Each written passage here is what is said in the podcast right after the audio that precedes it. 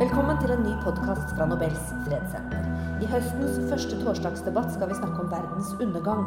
Klimaendringer, atomtrussel, terror. Det er nok av ting som bærer bud om at dommedag er nærmere enn noen gang før. Hvordan skal vi forberede oss? Jeg heter Ingvild Bryn Rambøll. Jeg er bare informasjonssjef her. Og egentlig ikke så godt eh, Jeg er godt forberedt på denne kvelden, tror jeg, men jeg er ikke så godt forberedt på alt det andre vi skal snakke om. Eh, Men jeg er veldig glad for at vi har selveste Leif her. Velkommen, skuespiller Pål Sverre Hagen. Vær så god. Hei, hei.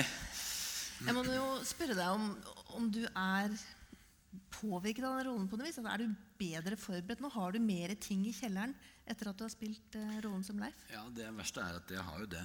Eh, jeg har det.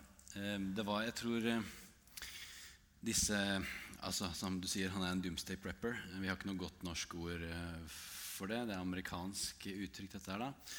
Eh, og de er jo ganske vanskelig å få tak i. Det er vel også derfor er jeg som skuespiller er invitert hit, og ikke en ordentlig doomsday prepper.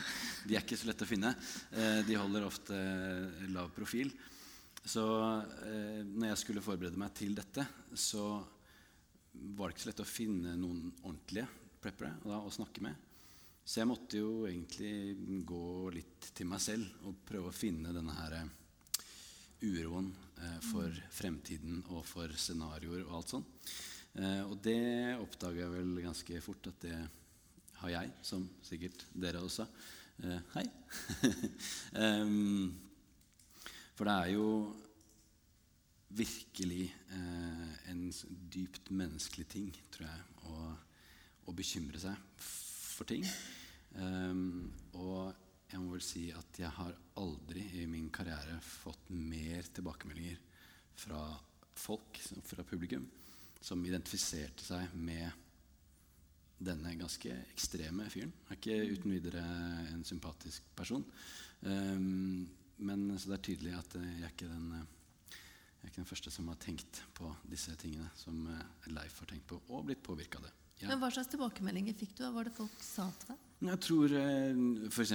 eldre mennesker som eh, sier sånn Nettopp sånn, hadde, sånn før tenkte vi alltid sånn. Vi hadde alltid ekstra. Vi hadde alltid um, ting liksom eh, på gården eller på altså, Det er tydelig at mange opplever at um, samfunnet har vært bedre forberedt og er mindre forberedt i dag. liksom, og mer ja, vi er mer avhengig av teknologi og, og andre ting. Liksom alle de tingene som skal til for at et samfunn og en, liksom et system fungerer. Det er noen andre som tar seg av det.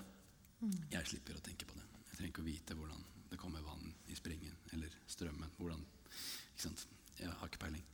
Men da du skulle bli, bli til Leif, eh, søkte du informasjon eh, på den type nettsteder som han eh, skrev? Ja, mange er jo ganske mm, aktive på nettet, kan man si. Eh, Det fins jo eh, prepperforum, liksom, eh, som, der de utveksler ideer. Og jeg opplever vel at de er kanskje litt irritert over at f.eks. at vi ikke har et norsk ord. Vi må gå til Amerika liksom, for å hente et begrep. Og det er jo Doomsday prepping har jo blitt sånn reality-TV, og det har blitt en sånn greie som er ganske sånn tabloid. da. Eh, og jeg opplever nok når man ser på de forumene, så er det helt klart mange som både er ganske sånn eh, konspirasjonsteoritunge. da, Mange ganske store sånn Illuminati-ideer. Eh, hvem styrer verden og sånn. Eh, til Men de, kanskje de aller fleste er vanlige folk som har begynt å tenke på det. Menn og kvinner som har fått barn, f.eks.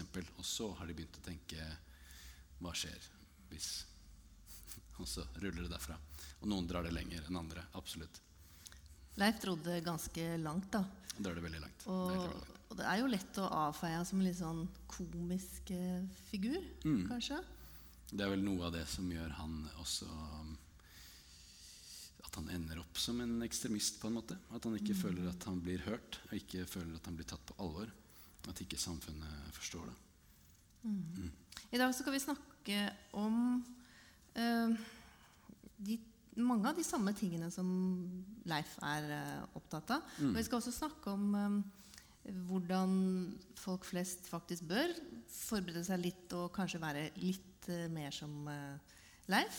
Det er veldig fint at du blir sittende i panelet, men vi har med oss litt flere mennesker til å diskutere dette. Ørjan Karlsson, velkommen opp. Du er fagdirektør i Direktoratet for samfunnssikkerhet og beredskap, som det nå heter. Eh, har også vært eh, medlem av EUs og FNs kriseinnsatsstyrke. Og så har du skrevet 13 science fiction-romaner. I alle fall 13 romaner. Ikke? 13 romaner. Ja. Og noen av dem handler om ting som ikke er helt eh, irrelevant for dagens eh, tema, har jeg skjønt. Ja, det gjør det. Runa Haug Kåri fra Bellona, velkommen. Leder fagavdelingen, spesialist på fornybar energi. Mm og blant de som prøver å finne løsninger som skal redde oss fra klimakrisen. Mm. Kan vi si det? Ja.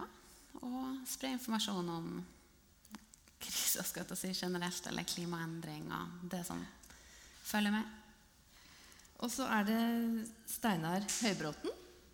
Du kommer fra FFI, Forsvarets forskningsinstitutt, med atomvåpen som spesialfelt. Så da har vi atomvåpen der, vi har eh, miljøkrise der. Og vi har generell beredskap eh, der. Og så har vi en spesialist på, på prepping eh, ved siden av meg her. Så jeg tror eh, vi skal være godt dekka. Velkommen, alle sammen. Takk. Takk. Eh, først til deg, Ørjan. I direktoratet ditt så jobber dere jo med ulike scenarioer. Ja. Hva, hva, er det som kan inntreffe? Mm. Og hva må vi forberede oss på for å takle det best mulig? Ja. Og hvordan velger dere ut liksom, hvilke, hva slags katastrofer dere skal uh, se nærmere på og forberede dere på? Noe er politisk styrt, men, men, vi går jo inn og gir råd på hva vi mener kan være relevant å løfte opp i dagen. Altså, hva er det enten altså sentralforvaltninga, altså departementene, eh, fylkesmenn og kommuner må se nærmere på, og hva er det som eh, inkluderer f.eks. Eh, private aktører også, som som jeg holdt på å si Leif sa i sted. altså Samfunnet er, er ganske sammensatt, så alle må, må, med. Og da, Måten vi jobber på, at vi, kaller, vi, vi inviterer de fagmiljøene som har en aksje i dette. Så setter vi oss ned og så ser vi på okay, hvordan vil denne type scenario påvirke Norge. Det kan f.eks. være en pandemi, det kan være en fjordtsunami, det kan være jordskjelv i by, eh, det kan være væpna angrep mot landet eh, solstorm. Alle disse tingene lager vi eh, scenarioer for, og de ligger åpne hos oss. Eh, og Hensikten med dette er jo da at, eh, at de som kaller det gjerne, altså de som er i krise, de som har ansvaret for den overordnede håndteringa, da kan ta utgangspunkt i dette. Eh, finne ut hvordan vil dette treffe oss. Hvordan må vi forberede oss? Både på kommunalt, fylkes og, og nasjonalt nivå, kanskje også internasjonalt. Og legge planer for det. Og så har vi et virkemiddel til, som er øvelser. og Da prøver vi da å, å kalle sammen de som har en rolle her, og så øver vi på dette og ser hvordan funka det. Hvor er gråsonene? Hvordan kan vi bli bedre? Sånn at Det er metodikken vår. Altså vi, vi, vi, tar frem de, de, scenarioene vi tror kan være aktuelle. Og det betyr ikke at det er sånne scenarioer som nødvendigvis skjer i morgen. F.eks. jordskjelv i by. altså Nå har vi jo skjelvet. Det skjer på kino i morgen. Ja, og jeg, jeg er ingen geolog, uh, men man vet at det har skjedd i Oslo. Og så vidt jeg husker, og nå må jeg gjerne bli uh, korrigert her, men jeg tror det er sånn en gang hvert 10 000 år så har man kanskje en den type hendelse i Oslo. Slik at selv om vi løfter det frem og sier hva kan konsekvensen være av et jordskjelv i en by, så er ikke det det samme som å si at dette vil skje i morgen. Men i og med at konsekvensen er så stor, hvis det skjer, så må vi ha en viss grad av beredskap for å kunne håndtere det. Det er ikke sånn at Hvis jeg går inn på deres sider og ser at dere har laget en rapport om uh, en uh, flodbølge f.eks., så skal jeg anta at det Nei, virkelig ikke, er veldig nært forestående? Men, men, men, det er det verktøyet vi har for at uh, vi kan rette søkelyset mot noe som vi mener kan ha en stor samfunnsmessig konsekvens. Det er godt mulig at sannsynligheten ikke er så stor, men konsekvensen er såpass stor at vi bør planlegge for det. Mm. sånn at hvis du, går, det, hvis du, ser på nettet, da, eller det som ligger ute der, så vil du finne en sånn tabell som sier noe om hva er mest sannsynlig. Og en av de hendelsene som er relativt sannsynlig, for det har skjedd ganske mange opp, ganger oppover det siste hundreåret, bare, er jo pandemi. Vi hadde en for ja, ti år siden. Eh, som heldigvis ikke ble så ille. Men det vet vi kommer til å skje, og da er vi nødt til å planlegge for det. og Få alle de myndighetene og andre som har en aksje i dette, og, og liksom ha en plan som er klar, så ikke vi setter oss ned og prøver å finne opp kruttet når det treffer oss. Men én ting er hva vi som samfunn, eller Norge som samfunn, skal forberede seg på. Som privatperson, Ja. skal jeg tenke på dette? Altså, det, vi skal ha en, en kampanje som det så fint heter nå til, til høsten. Og vi kommer til å ta tak i akkurat det. For serier som Valkyrien eh, er blant de som, som får folk til å spørre seg hva skal jeg gjøre, hva kan jeg gjøre. Eh, vårt forslag er at man må stille seg sjøl spørsmålet hva er det jeg som, som enkeltperson er, ikke kan klare meg uten i f.eks. tre dager. Hvem andre er avhengig av at jeg er til stede for dem? Hva trenger jeg av mat, av medisiner? Eh, hva skjer hvis strømmen forsvinner? Kan jeg f.eks. lade mobilen min? Eh, har jeg vedovn i huset? Hvis jeg ikke har det, hvilken annen varmekilde kan jeg bruke? Og det vi egentlig sier er at, og vi, vi lager en veldig sånn praktisk, praktisk liste. Hvis du kan ha disse sakene for tre dager, i alle fall, hvis du klarer, klarer deg sjøl i tre dager, så er sjansen stor for at uansett hva som måtte treffe oss innenfor rimelighetens grenser, så vil man da kunne få hjelp eksternt. ikke sant? Da har man sagt at disse tre dagene, klar deg sjøl, og så vil du få hjelp så fort du trenger det. Og Da vil jo hjelpemannskaper og andre prioritere de som er hardest ramma, og så klarer du deg greit, og så får du assistanse. Sånn at vi prøver jo å gi oppskrift på hvordan du som enkeltindivid kan klare deg. Og Bor du på bygda, så har du andre muligheter og utfordringer enn hvis du f.eks. bor i Oslo, der kanskje strøm er den eneste forsyninga. Og hvis du plutselig da vi La oss si at strømmen går, og det er kaldt ute, og du ikke har noe mat i skapet, og det eneste som er nede på hjørnet, er Kiwi-butikken, så er det sannsynligvis 5000 andre i den samme bydelen som akkurat på det tidspunktet får den samme lyse tanken i hodet om at det burde kanskje vært greit å ta en tur til butikken nå. Da er det ok å ha dette lille lageret på, på, eh, på kottet, som, som faktisk gir deg den robustheten. Dere andre i panelet, har dere hermetikk og, og vann eh, hjemme i kjelleren? Burde nok hatt vesentlig mer enn jeg har, ja. Ja, jeg, jeg, har, jeg har lite grann, faktisk. Dette er jo en diskusjon eh, mellom meg og min kone. da. Eh, og det tror jeg ut ifra mange av disse eh, nettforumene at mange ektepar har gjerne den ene parten som uh, mener at man bør ha mer enn den andre. Og så tar de det derfra. Men uh, nei, vi har blitt enige om en slags balanse. Eller i hvert fall en sånn slags bevissthet på det. Vi er ikke ekstreme, vi, altså. Men uh, det er klart det var en periode særlig til jeg hadde gjort dette her, hvor vi snakka en del om det. Mm. Runa? Nei, eh, jeg mener jeg føler meg ganske skyldig i den analysen at eh, man er på en måte en generasjon som har vokst opp og er vant til at samfunnet rundt har ansvar for eh, på en måte så mange deler av livet vårt at man stoler på institusjonene rundt. Så jeg må innrømme at vi har ikke så mye hermetikk i kjelleren og sånn som det. I mai så sendte svenske myndigheter ut en sånn brosjyre til alle svenske husstander som hadde, den, eh, hadde tittelen 'Om krisen eller kriget kommer'. Og, og her, Det er mange sider om eh, varsling og hva som kan skje, terrorangrep, eh, om Forsvaret.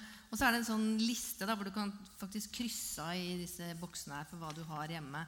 Og her, der står det ganske mange ting. Det er liksom, tørrmat, hermetikk, eh, fruktkrem og hummus på burk, kaffe, te og sjokolade. Og du skal ha vann, og du skal ha ull og varme klær og fyrstikker, selvfølgelig. Eh, DAB-radio med batterier. Og gjerne også sånn ekstra ladebatteribank til telefonen. Kontanter. Det er det mange som ikke har i dag. Ja, og det er også viktig. Altså, hvis strømmen går, så eh, får du ikke noe i minibanken. Ikke sant? Kommer den lista som dere lager, til å se omtrent sånn ut? Ja, altså den, den, er, den er bygd rundt den samme intensjonen. Det svenskene har gjort som er litt forskjellig fra vår tilnærming, er at de har vært ganske spesifikke på noen scenarioer, som f.eks. å velge krigen, eller hva det måtte være. Eh, vi har mer en sånn, sånn all hazards, eller sånn, eh, en, en tilnærming som, som medfører at vi, vi regner med at grunnberedskapen vil være ganske lik egentlig uansett hva som skjer. Og det er den du, eh, den du skal forholde deg til. Så ja, penger, tørr mat, Jeg vet ikke om humus på burk står på vår liste, men eh, sånn, sånn Joikakake, kanskje den norske ekvivalenten. Men, men ja, altså, prinsippet er det samme. Og det skal være, det skal være en, en, en guide som gjør at du kan ta gode valg på vegne av deg og dine. Uh, og, og uten egentlig å høste opp mer enn nødvendig heller. Altså, det skal være et sånt greit lager, som du sa. Altså, vi har foreldre i alle fall som, som For dette var helt naturlig. Tenkte ikke over det. Kommer du til å sende det hjem i posten til oss? Eh, litt usikker. Det kommer til å gå en kampanje i hvert fall utpå høsten. Og så eh, tror jeg nok at det vil bli lagt merke til eh, på en god måte. Eh, Så får vi se om det kommer i posten. Det kan jeg ikke svare på. Har dere tenkt på om det kan virke skremmende på folk? Ja, det har vi. Jeg tror egentlig det er mer skremmende hvis du, hvis du får alle disse scenarioene servert og ikke vet hvordan du skal forholde til det. Det er bedre å si at jo da, det finnes et veldig godt og robust system rundt det. Man jobber jo daglig med dette i kommunene og i fylket og på statlig nivå. Og det er veldig mange som jobber med å forberede. Men den forberedelsen er kun så mye verdt hvis ikke hver enkelt tar ansvar for det han eller hun kan styre sjøl. Og hvis alle sammen jobber med dette sammen, altså fra topp til bånn, så, så får vi et samfunn som blir veldig mye mer robust. Eh, uten at jeg tror at det skaper noe frykt, snarere tvert imot. Jeg tror du får en følelse av at nå står vi sammen, vi har de samme utfordringene, og ved å gjøre disse små forberedelsene sånn hver og en av oss, så, så klarer vi å håndtere en eventuell krise bedre. Men er folk flest for lite forberedt? Dere har jo undersøkt litt. Ja, altså Det er jo derfor vi også går ut. altså Det er jo mer snakk om at det er mer snakk om sånn spørsmål, Har du tenkt igjennom dette? Altså, eh, Hvis strømmen går, eller hvis eh, de medisinene du er avhengig av eh, altså du ikke har det du trenger for noen få dager, hva kan, hva kan du gjøre med det? Og Det er veldig mye man kan gjøre med enkle grep. Så, eh, så det er liksom greia. Vi hadde jo litt morsomt det var den, eh, I den filmsnutten så var det dette med flyktningrom, altså tilfluktsrom. Beklager. tilfluktsrom. Eh, og vi, Det var jo en, en sak i avisene for en stund tilbake der det sto at bare 50 uh, vi har bare kapasitet til 50% av landets befolkning i, i tilfluktsrom. Det var overskrifta i VG. Og Det interessante var at en del av de telefonene som kom til DSB i den forbindelsen, var egentlig ikke så mye om hvorfor er det ikke nok plass til alle. Det var mer det at hvorfor snakker dere om tilfluktsrom nå? Altså Etter mange mange år, hva er det dere egentlig ikke forteller oss? Så du fikk den. ikke sant? Så nei, men vi er jo ikke der. Men, men, men det trigga noe med en gang man begynner å prate om disse tingene. Og det betyr at vi må, vi må snakke om dem på en sånn måte at man, man kommer tilbake til at dette er jo egentlig bare en del av den normale grunnberedskapen som et samfunn skal ha. Men at det har gått en del år siden vi kanskje tenkte på det sist. Men stemmer det? Altså Leif sa i serien at det var bare plass til en tredjedel av oss. Eh, du, VG sa altså det, halvparten.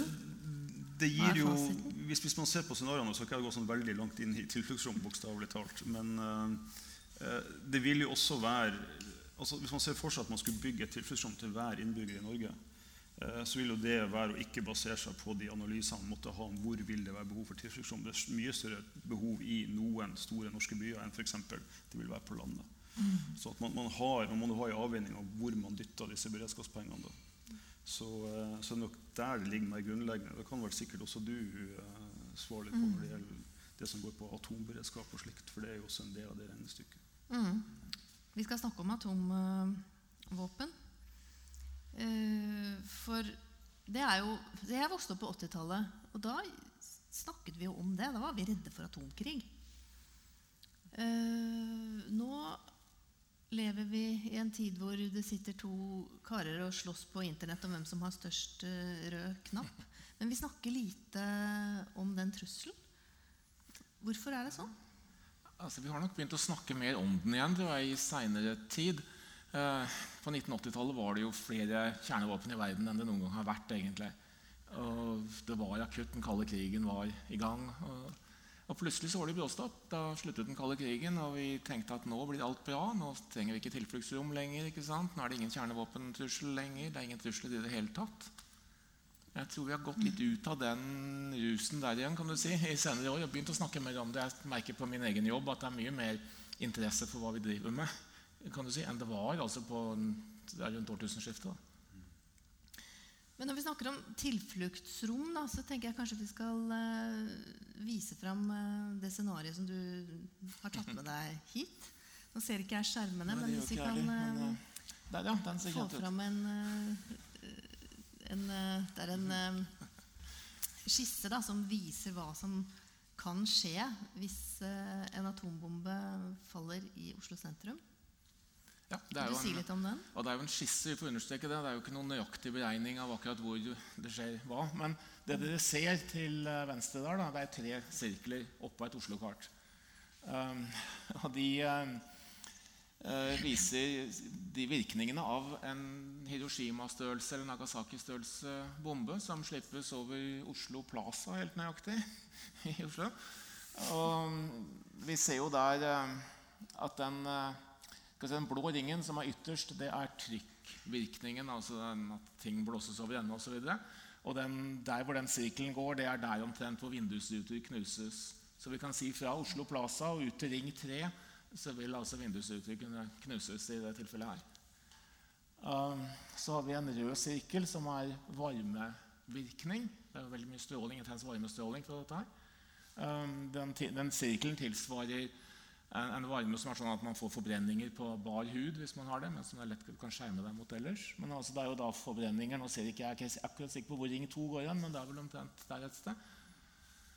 Uh, og så er den innerste da radioaktiv stråling. Det rekker ikke så langt. Den sirkelen skal tilsvare en tiendedel av dødelig dosetur. eller noe sånt. Så det er ikke først og fremst strålingen folk dør av, det er varme og trykk. altså. Men og Det er jo ikke helt nøyaktig. Det avhenger jo av terreng og det avhenger av skjerming av store bygninger. og alt mulig rart. Men, men det, det, er dramatisk selv. En for så vidt liten bombe da, som det som ble sluppet over Japan i annen verdenskrig, er, den er stor allikevel.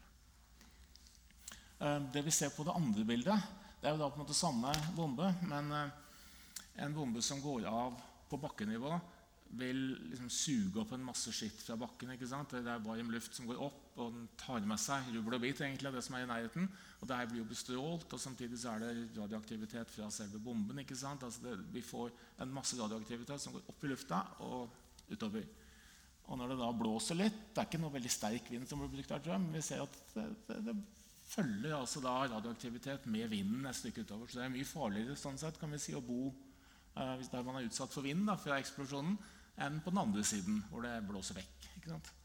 Så folk vil jo da bli utsatt for en, en del stråling et godt stykke unna dersom det blåser. Hjelper det da å løpe til et eh, bomberom? Det kan jo hjelpe. Det tar jo tid. altså. Nå vil du kanskje spørre hva du har av forvarsler og, og sånne ting.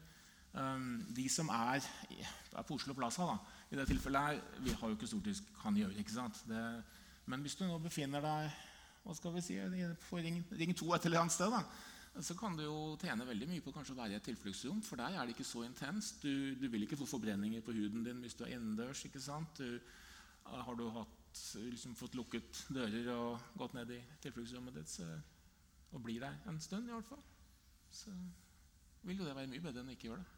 Det, det er et litt dumt svar, sånn sett, men altså, ja, det, alltid, det, vil alltid være et område i utkanten hvor det lønner seg å ha tilfluktsrom. ikke sant? Det er jo dere har undersøkt uh, litt om folks beredskaps... Uh, eller hvor, godt forberedt vi egentlig er, uh, Ørjan. Og det er bare en tredjedel av oss som vet hvor nærmeste tilfluktsrom er. Ja.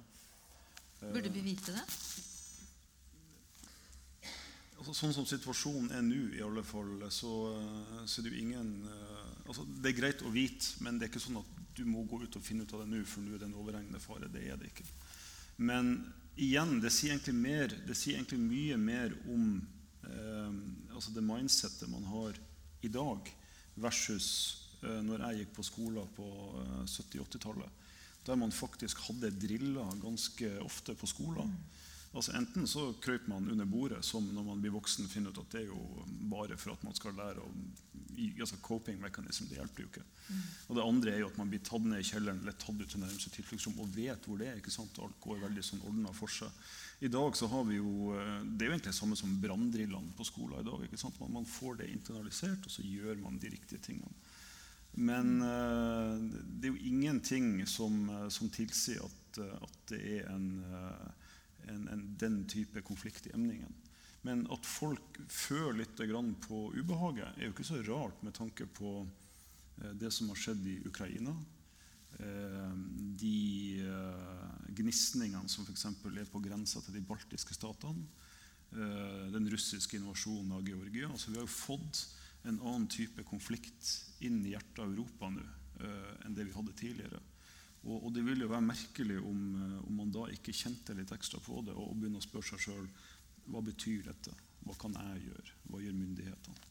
Eh, og da syns jeg at man, man, fortjener jo da å få svar på disse spørsmålene. I alle fall den type svar som gjør at du kan håndtere deg og dine på en god måte uten at dette gjøres større enn det også, for det er også en fare. Mm -hmm. vi må ha en pragmatisk tilnærming til det. og Da blir det litt sånn som å, å kjøre en, et scenario på jordskjelv i by. Ja, Kanskje det skjer en gang hvert, hvert 10 000 år. Men, uh, men, om det skulle skje, så skal vi i alle fall ha tenkt igjennom det. En annen trussel som har rykket litt sånn nærmere for uh, uh, oss på Østlandet i hvert fall uh, i sommer, er jo konsekvensen av klimakrisen. Mm. Det har vært uh, varmt og deilig, men det er også mange som har fått litt å tenke på i sommer. er det noe som dere også merker hos dere i Bellona, Runa? Ja, det er det absolutt. Vi merker, jeg så det var en sak i nyhetene i dag om at det er flere og flere som strømmer til miljøorganisasjonene mm. med støtte. Men vi merker det. Jeg føler at det har gått en debatt som har på en måte litt sånn selvransakende debatt i forhold til klima i sommer, i kjølvannet at En ting er at vi hadde varmt vær her, men det har jo vært eh, helt andre konsekvenser andre deler bare av den nordlige eh, halvkula. Altså det har vært varme rekorder bare i Sør-Europa og rundt omkring. Japan, Canada. Så det har jo vært en ekstrem sommer. Og denne selvransakende debatten er jo litt sånn eh, for oss som jobber med det, så vet vi at vi har faktisk visst om eh, Forskere har visst om hele utviklinga på klima siden 1979. Eh, mellom 1979 og 1989 så gikk det en prosess eh, globalt hvor politikere lytta til forskere. Man prøvde å samle seg om felles utslippskutt. og det, det, er på en måte det nærmeste man har vært en effektiv global klimaavtale. Eh, så det er jo litt sånn Hvorfor har vi ikke hørt på de her forskerne før? Eh, og det er jo selvfølgelig, den Prosessen falt jo sammen fordi det er for mange konkurrerende interesser. Og vi vet jo at olje- og gasslobbyen har vært en viktig pådriver i lobby. og sånn som det, Men nå har jo de fleste selskaper på en måte anerkjent sin rolle i historien. da. Men eh, det å gå i møte sånn overordna på å stegge selve problemet, det krasjer jo med mange økonomiske interesser, som jo også er viktig inne i samfunnet. Vi ser jo det norske samfunnet hvor godt vi har hatt det fordi vi har mm. utvikla en oljeøkonomi på et godt vis. Så det er jo kompliserte sammenhenger for en liten menneskehet å skal gå i møte.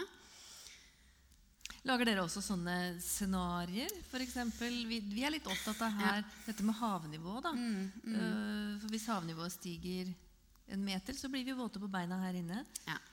Eh, Bellona lager ikke klimascenario, men vi lener oss jo veldig mye på klimaforskning. Og IPCC, det internasjonale klimaforskningsorganet, de lager jo scenarioer. Og det man lager scenario for, er jo ulike grader av temperaturøkning og konsekvensene som kommer. Mm. Men jeg tenker vi som jobber med klima og miljø, så er det jo en, det jo liksom en løpende sånn her, uh, vurdering man må ha, og det er hvordan man formidler om klima og miljø. Fordi jeg tenker Den største trusselen egentlig er jo det her med apati. Uh, at man på en måte bare velger å enten bare fornekte aktivt, eller bare tenke det her, jeg kan ikke påvirke det her i det hele tatt uansett. Eh, fordi I motsetning til atom for eksempel, da, eller sånne konkrete hendelser, så er jo egentlig klimatrusselen det er jo mer en sånn, eller klimaendringen, som jo er under opprulling, det er på en måte mer sånn subtil bakteppe. da, Som mer enn akutt vil treffe oss, i hvert fall her i Norge. Eh, vil sette i gang eh, Eller på en måte sette bensin i andre dynamikker tenker jeg, internasjonalt. F.eks. det her med eh, klimaflyktninger. Altså, jeg tror FN opererer med et tall på 200 millioner kommer til å være klimaflyktninger i 2050. Det er prognosene per i dag. Um, per nå er det omtrent uh, hvert år like mange klimaflyktninger på vei rundt omkring i verden som det er folk i de fem nordiske landene. Og det er klart det gjør jo noe med den sosiale settingen globalt, som også vil kunne påvirke Norge i forhold til sikkerhetspolitikk, Um, i, folge, i, forhold til uh, altså sånne opplagte ting som ferskvannstilgang. altså Sånne type, type konsekvenser da, som jeg tenker indirekte vil treffe Norge. Men oss her i Norge så er det jo igjen så er det jo en urettferdighet i verden av hvem det er som treffes av ulike ting. Og vi har jo også på klimafronten på en måte trukket et slags heldig lodd da, som blir født uh, her. Mm. Um, men, men, der ser vi også hvordan ditt uh, fagfelt også kan gripe over i, i Forsvarets uh, mm. fagfelt. Da, at uh, klimaendringer kan skape uro og konflikter i, i verden. Vi snakket litt om det før, før, vi kom opp på scenen her i dag. Ja, det kan helt sikkert skape konflikter i, i massevis. Jeg tror jo egentlig ikke at atombomber vil bli brukt i, i de konfliktene. Da. Det er jo veldig dramatisk. Men uh, nei, helt, helt opplagt. Ja. Det er noe med at risikoen og truslene henger litt, uh, litt sammen. Og det er det noen forskere som har testet litt på. Det er noe som heter dommedagsklokka som sier noe om hvor langt unna menneskeheten er. Katastrofen den ble innført av en gruppe atomforskere i 1947.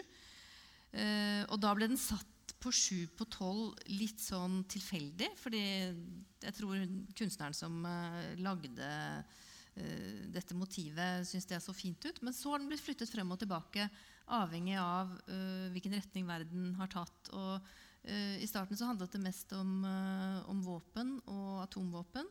Eh, men klimatrusselen har også kommet inn i betraktningen der. Og nå er den klokka to på tolv. To minutter til apokalypsen. Det høres veldig, veldig veldig, veldig kort tid og veldig skremmende. så nær har vi ikke vært siden 53, da både USA og Sovjetunionen testet hydrogenbomber. Så men det som er spesielt med den klokka, da, det er jo at uh, kan stille, tiden kan stilles tilbake. Og for at ikke det skal bli altfor sånn uh, gloomy i dag, så tenkte jeg vi kunne prøve å snakke litt om det. Hva skal til uh, Steinar Høybråten, for at den atomklokka skal bevege seg lenger vekk fra ja, den er ganske, den er ganske følsom, den klokka, egentlig. For den ble jo satt tilbake til var det ikke 17 minutter på midnatt mm. her, eh, da den kalde krigen slutta. Så vi har jo sett et spenn da, fra to minutter på til 17 på. Mm. Og mm, det er klart, hvis det roer seg ned litt mer altså I dag er jo verden ganske uforutsigbar og vanskelig politisk sett. ikke sant? Og Vi ser spenninger. Vi ser Nord-Korea som tester kjernevåpen. Vi ser India og Pakistan som øker antallet våpen osv. Um, og når du da kobler det til klima og sånt som også er tatt med nå, og politiske omstendigheter, som jeg tror de ser mer på enn bare det kjernefysiske, så kan det gå begge veier. ikke sant? En litt mer stabil verden vil jo fort flytte den viseren noen minutter, da, heldigvis. Og på klimasiden, eh, Runa? Um, ja, altså det er jo helt klart eh, Det er jo helt klart bevegelse også på klimasida. Vi er jo en typisk sånn Bellona, da, en typisk uh, teknologioptimistisk organisasjon. For eksempel. det betyr ikke at vi fornekter de store utfordringene, men eh, vi har jo trua på å gå eh, sektor for sektor, gå i møte med å finne løsninger for å kunne leve videre noenlunde som vi gjør i dag, da, men med eh, klimavennlig teknologi. Jeg tror også at det ligger eh, Vi jobber jo mye sammen med og gjennom næringsliv. Eh, og vi opplever helt klart en stor modning og et mer ekte eh, si, engasjement og interesse for å lete mer bærekraftige forretningsmodeller. Da. Og da tenker jeg, Det handler ikke bare om å kutte utslipp. Det handler på en måte også om å eh, ta inn over seg de større megatrender som kommer i forhold til befolkningsvekst, vann. Så vi har jo noen prosjekter nede i Midtøsten for eksempel, som vi er med på. Um, Jordan er jo et av de første landene som sannsynligvis kommer til å gå tom for ferskvann. Uh, det er jo ganske katastrofalt for en nasjon å stå, stå ansikt til ansikt med. Så det er klart at um, det rører seg jo absolutt på positiv front også. Uh, samtidig så treffer jo de her uh, megatrendene De henger jo ikke helt på grep med at hvor mange flere vi blir, og flere som heldigvis løftes ut av fattigdom. Men det øker jo også et forbruk der som igjen krever vanvittig mye ressurser. Um, så det er jo det er absolutt uh, ting å ta tak i. Men igjen, da tenker jeg at uh, vi er litt optimistiske på vegne av de unge. Da. For uh, vi syns å se et annet mindset hos de.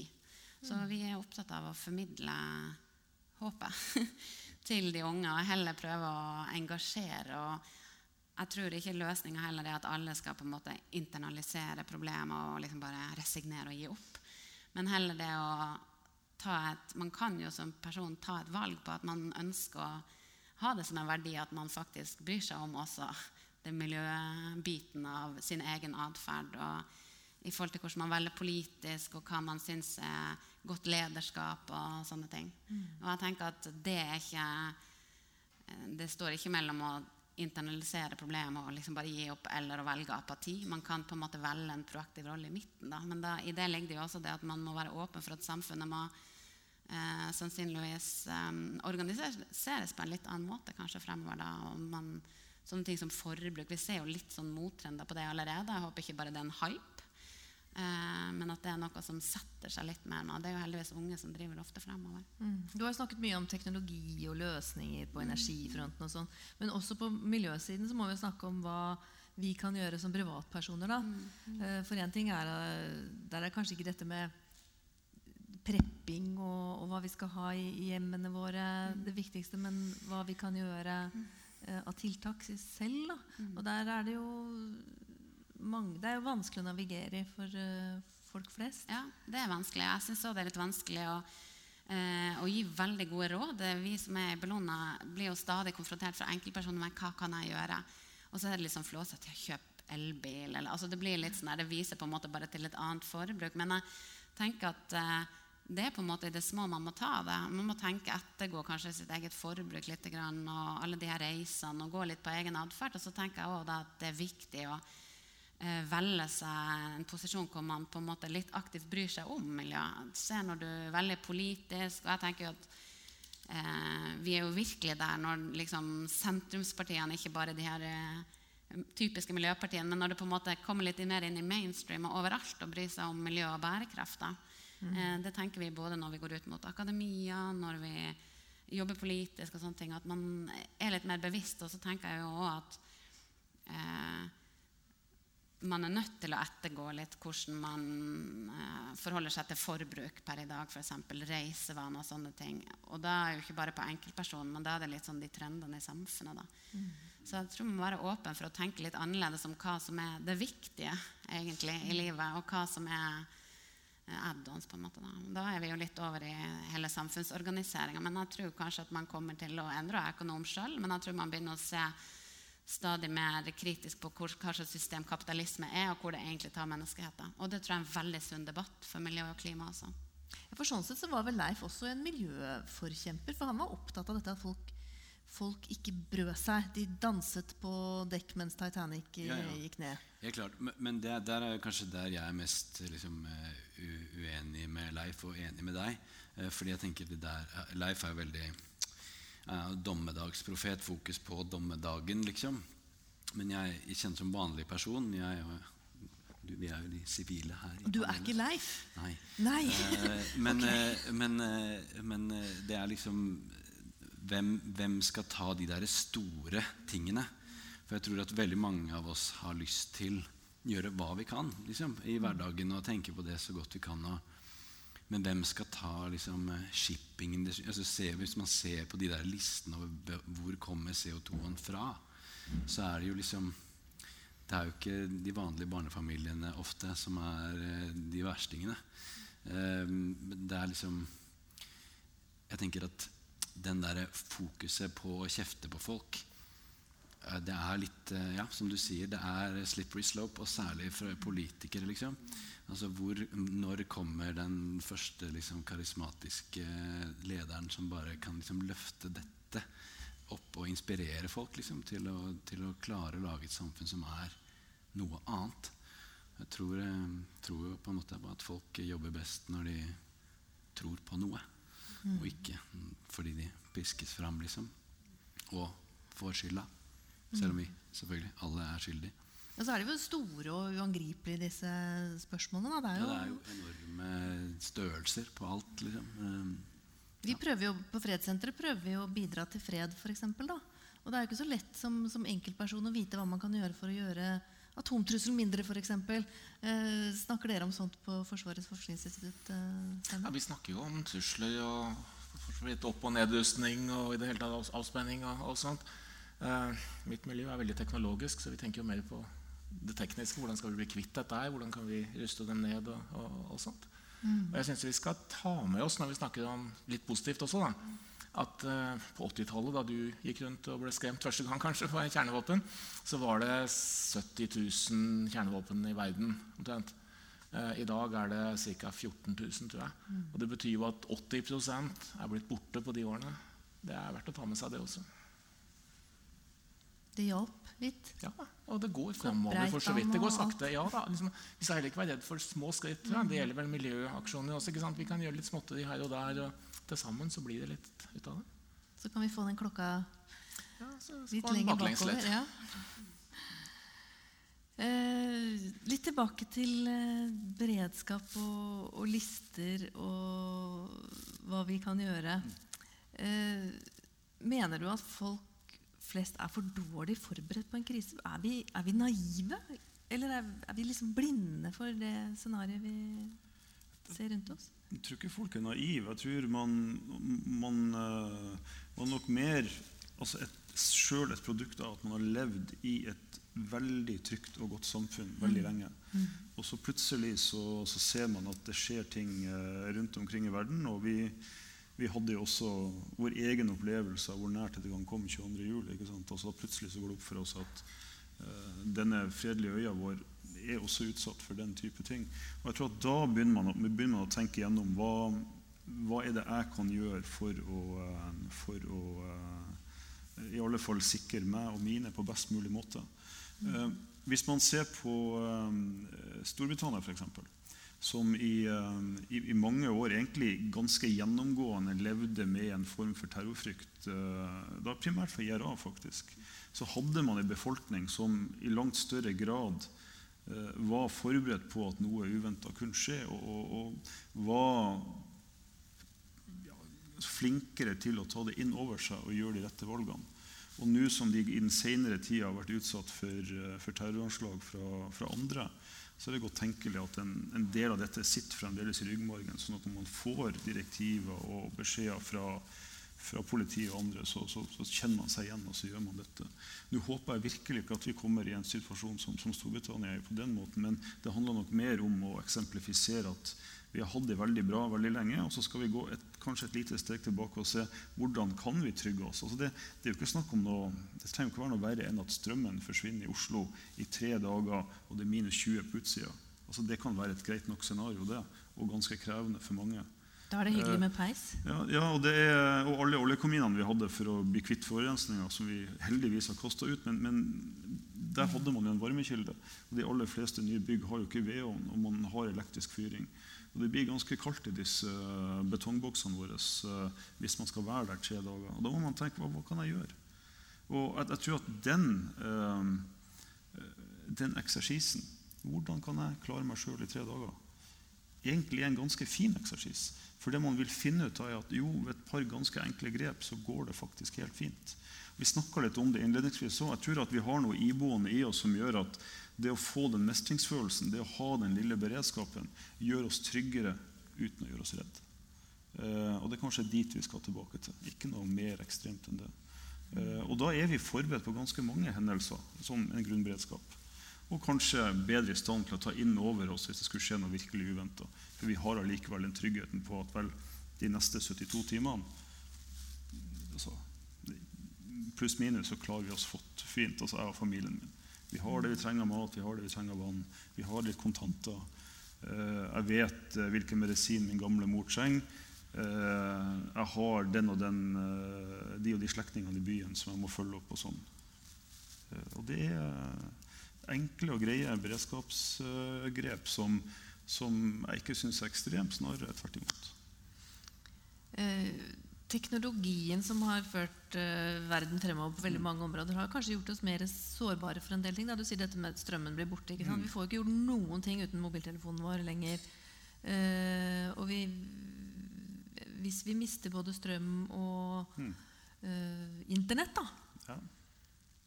Jo, altså jeg tror man fort vil finne ut at man får gjort en god del uten mobiltelefon. Men, men, man må liksom bare snu litt om. Og så har man batteri, og så har man DAB-kanal, og så mm. vil jo NRK fremdeles ha eh, sendinger som også vil komme med, med informasjon til befolkninga.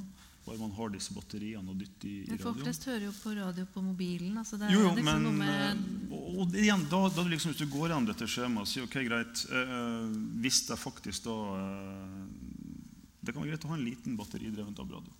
Altså, det er det du må investere i hvis du syns det er greit. Det kan tenkes at hvis nettet og alt sånn går ned, at du ikke får den samme radioen på mobilen din en kort periode. Mm. Eh, og Da må du stille spørsmålet hva betyr det for meg. Mm. Hvis det betyr at det går helt fint, vel, legg det til side. Hvis du derimot tenker at det er kanskje litt ugreit, vel, så finnes det andre enkle tiltak man kan ta. Så det er egentlig det det er snakk om som beredskapstanke. det at Hvis strømmen forsvinner, hvis minibankene går ned, eller eh, hvis eh, det blir eh, knapphet på matvarer i butikkene en kort periode, hva kan jeg gjøre i forkant? Så finner man ut at på aller fleste spørsmålene der så er det noe man kan gjøre. Og det er, ikke, det er ikke spesielt krevende å gjøre det heller. Det er egentlig bare mer å gjøre det uten å legge så voldsomt mye i det og bli helt sånn doomsday-prepper. Og før du vet ordet av det, så har du begynt å grave en eh, tilfluktsrom i hagen din. ikke sant? Altså, vi er ikke der i det hele tatt. Det er bare en vanlig, grei grunnberedskap som, eh, som jeg tror at eh, min mor, og i alle fall min bestemor, ikke vil ha og så vil man kanskje nesten ha stilt seg litt uforstående for at de faktisk sitter og diskuterer det. For så naturlig var det for dem. Føler du deg tryggere på Sverre etter at du nå sier du har litt mer sånn hermetikk og vann og sånn liggende? Jeg tror i hvert fall den der prosessen med å tenke igjennom, det har jeg fått gratis da gjennom jobben, det som du, som du oppfordrer til her. Og det, det tror jeg er jeg tror det er veldig bra. Og jeg tenker også sånn eh, Man kan jo mene alt man vil om, om f.eks. For eh, Forsvaret. da Men jeg tenker eh, tidligere så var jo mange flere av oss gjennom en eller annen sånn type prosess. Og, og hvor man liksom lærer en del sånne, sånne grunnting. Altså igjen, hele samfunnet var jo det. Men jeg tenker at ja, bare en sånn ting som Jeg er jo en av de som aldri fikk være i militæret selv. Som jeg liksom, nå er det selvfølgelig mange eh, menn og kvinner som, som, får den sjansen. Og jeg tror det er sånne, sånne konkrete, praktiske ting. Altså, jeg tror for eksempel, Det er ingen av oss som liker å ha en, en tom bankkonto. For det er kanskje vårt, Vår prepping er oversatt til det. Eh, men de der konkrete tingene, eh, å oversette de tankene til det, det tror jeg er veldig bra. Hvordan demmer du opp liksom, når det, elva kommer for det regner for mye? Altså, det, liksom, ja, det er en del ting som, eh, som jeg, jeg, har satt pris på å tenke gjennom. Helt klart. Som jeg tror eh, som alle har godt av å tenke gjennom. Uten at det skal bety at man er så redd. Men eh, det er bra å kunne håndtere virkeligheten rundt seg. Det er en god følelse for alle. Mm. Jeg tenker at det kanskje er eh, noen av dere som sitter her, som har begynt å tenke litt òg, og har noen eh, spørsmål til panelet. Eh, så jeg har lyst til å åpne for det. Vi har noen minutter igjen. Ja, hei. Jeg heter Morten. Jeg er litt usikker på hvordan jeg skal varme opp. Har du noen enkle tips der? Så hvis strømmen går og det blir kaldt Det var jo et scenario som ble nevnt her. Når man bor i en blokk, så er det ikke så greit å fyre opp et bål på, på gulvet. liksom. Nei, altså vi, Hvis vi ser dette i et sånn som vi har om innledningsvis, er et tredagersperspektiv. da, eh, Så er det jo snakk om også å ha nok eh, varme tepper. Altså ha den type ting som gjør at du innenfor rimelighetens grenser kan holde deg varm. Eh, så tror jeg at det går, går ganske greit. Eh, og så er det jo fullt mulig da å, å altså, snakke med naboen. altså Gå sammen hvis man tenker på dette. Men, men, igjen ikke gjør det til noe større ting enn det nødvendigvis trenger å være. Altså. Men, men, varme tepper, vite at man har det, at man ikke bare har denne kunststoffet som fort blir ganske kjølig når resten av varmen går. Enkle, greie ting, faktisk. Eh, ikke fyr opp primusen inne. Det kan fort bli litt uh, ugreit. Jeg håper dere som sitter her, har fått litt mer kunnskap, litt nyttig kunnskap. Eh, takk for at dere kom. Og til panelet, tusen takk for eh, deltakelsen. Dere skal få med dere en liten presang som er et slags sånn survival-kit. Det er en multitool-penn. Den kan helt sikkert hjelpe i noen situasjoner. Jeg vet ikke om den står på lista til DSB, men det kan hende. Den har mange funksjoner i hvert fall. Takk skal du ha. Og takk til deg også. Dere andre dere må gå på Rema og kjøpe vann og joikakaker. Takk for i kveld.